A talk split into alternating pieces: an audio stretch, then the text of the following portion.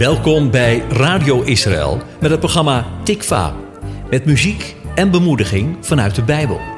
Iedere week weer met een andere invalshoek.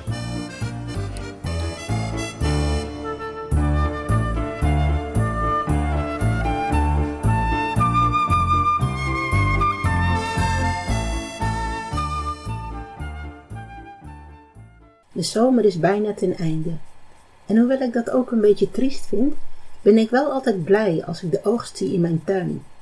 De bloemen in de tuin staan prachtig in bloei en ook de fruitbomen dragen hun vruchten, rijp om geoogst te worden.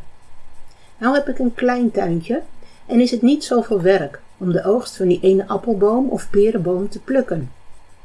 Maar als je er veel hebt, dan heb je veel plukkers nodig. En als je die niet hebt, dan heb je een probleem.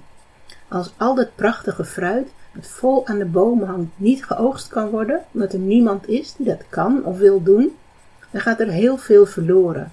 En het enige wat er dan nog rest is bederf.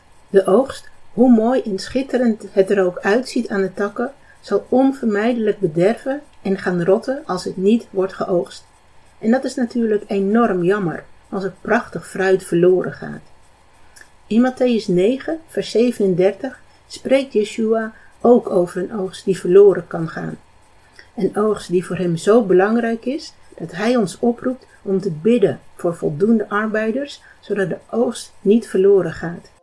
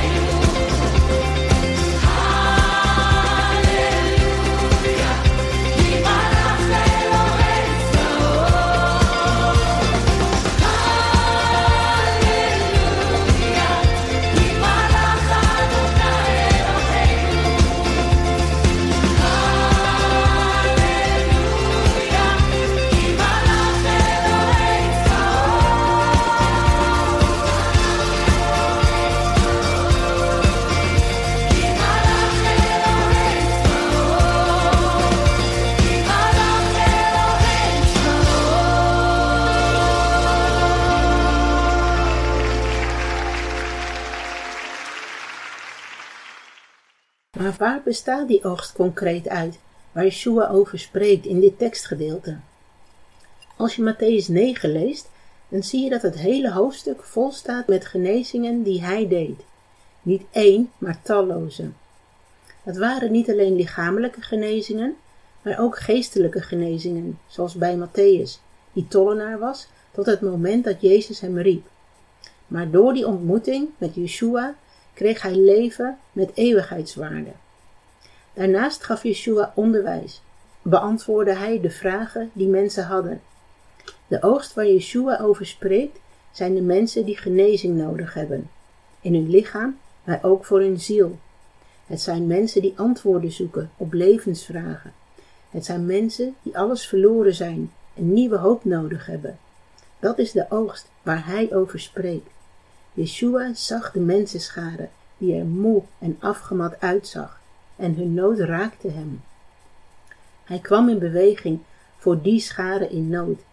En in zijn tijd hier op aarde deed hij alles om die schade te bereiken. Als we kijken naar de wereld vandaag de dag, dan zien we om ons heen, ver weg en dichtbij, ook mensen die genezing nodig hebben voor hun lichaam en hun ziel. Mensen die met vragen lopen en antwoorden nodig hebben, zodat ze oplossingen kunnen vinden voor hun levensvragen.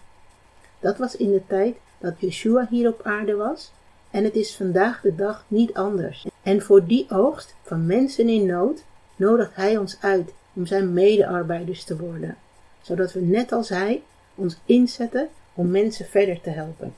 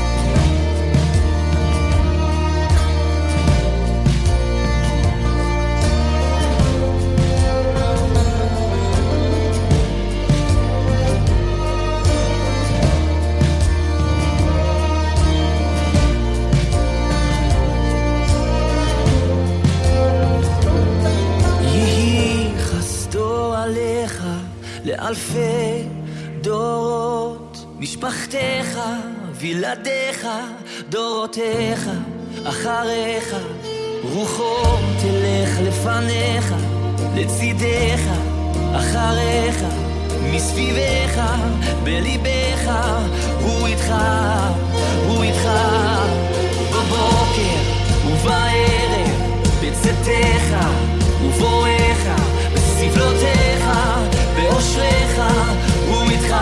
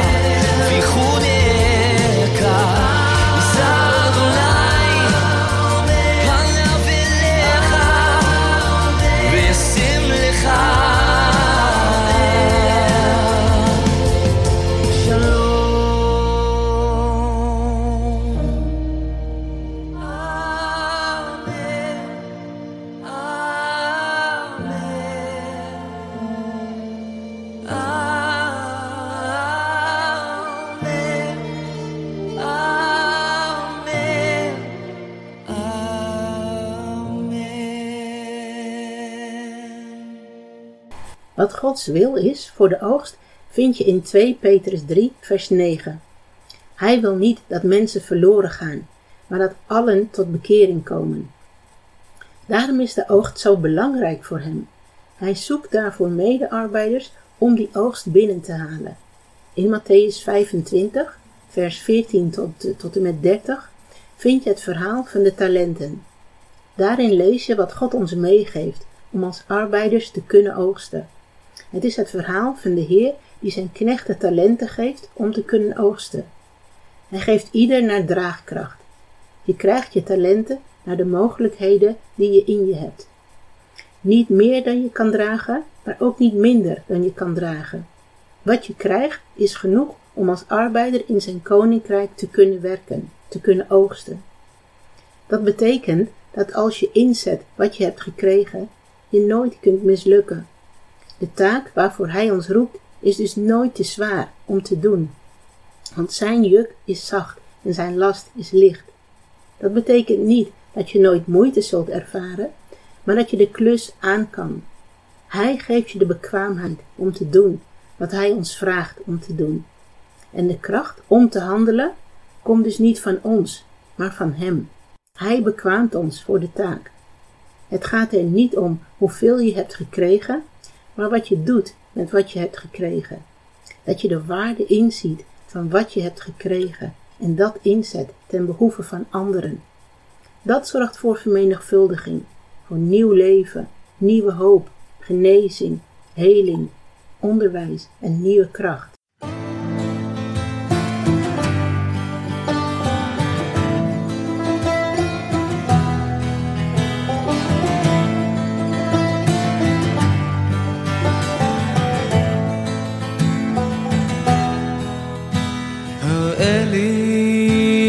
הדרך לשוב אליך. גם אם קשה תהיה לשוב להיות בגזרותיך הדרך בסופה אחיה אז אשוב אשוב אתן לך את חיי כל פינה שבליבי את נפשי שם אתה לי בקיומי. אז אשוב אשוב אתן לך את חיי כל פינה שבליבי את נפשי שם אתה לי אתה שם איתי. רבות הדרכים אותה ניסיתי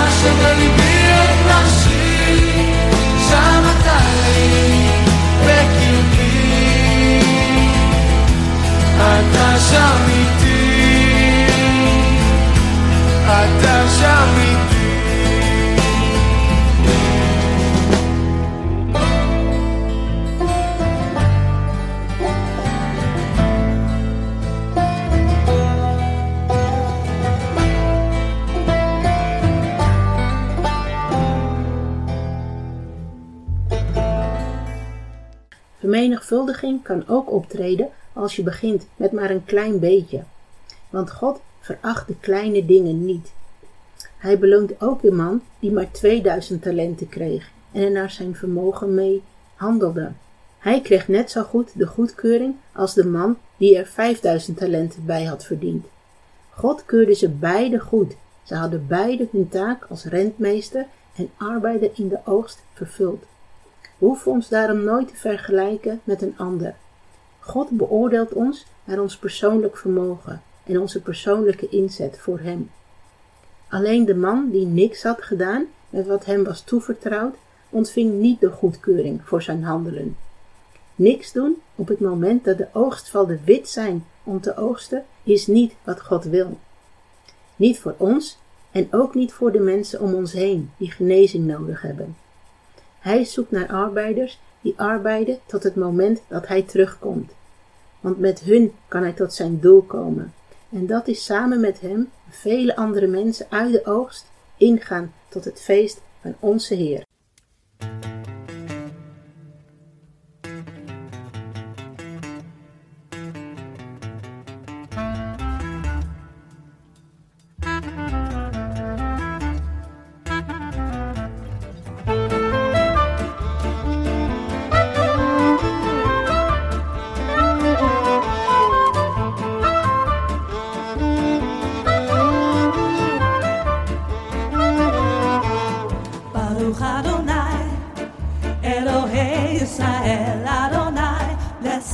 Is the Lord.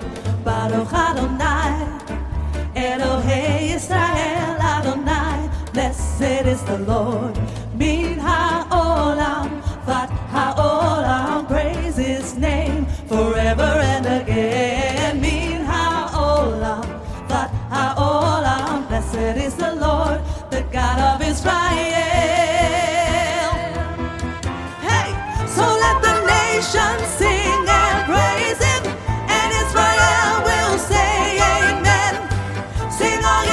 身残。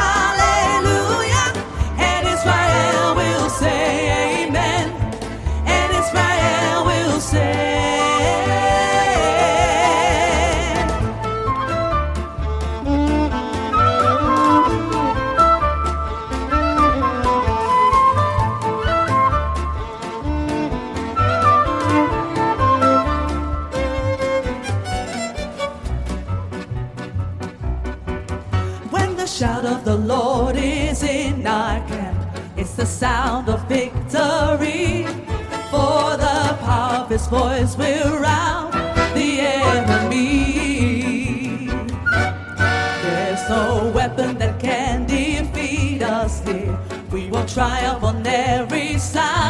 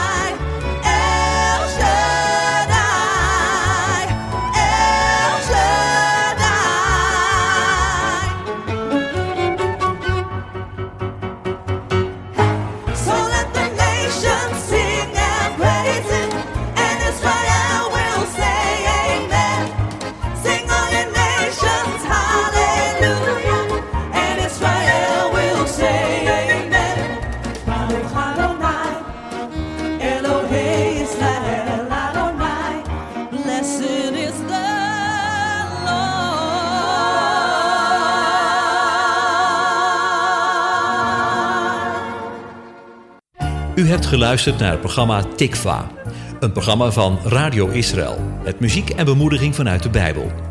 Te beluisteren elke donderdag tussen 10 en 11 met herhalingen op vrijdag en zaterdagmiddag om 4 uur. Als u wilt reageren op deze uitzending, dan kan dat door een mail te sturen naar reactie radioisrael.nl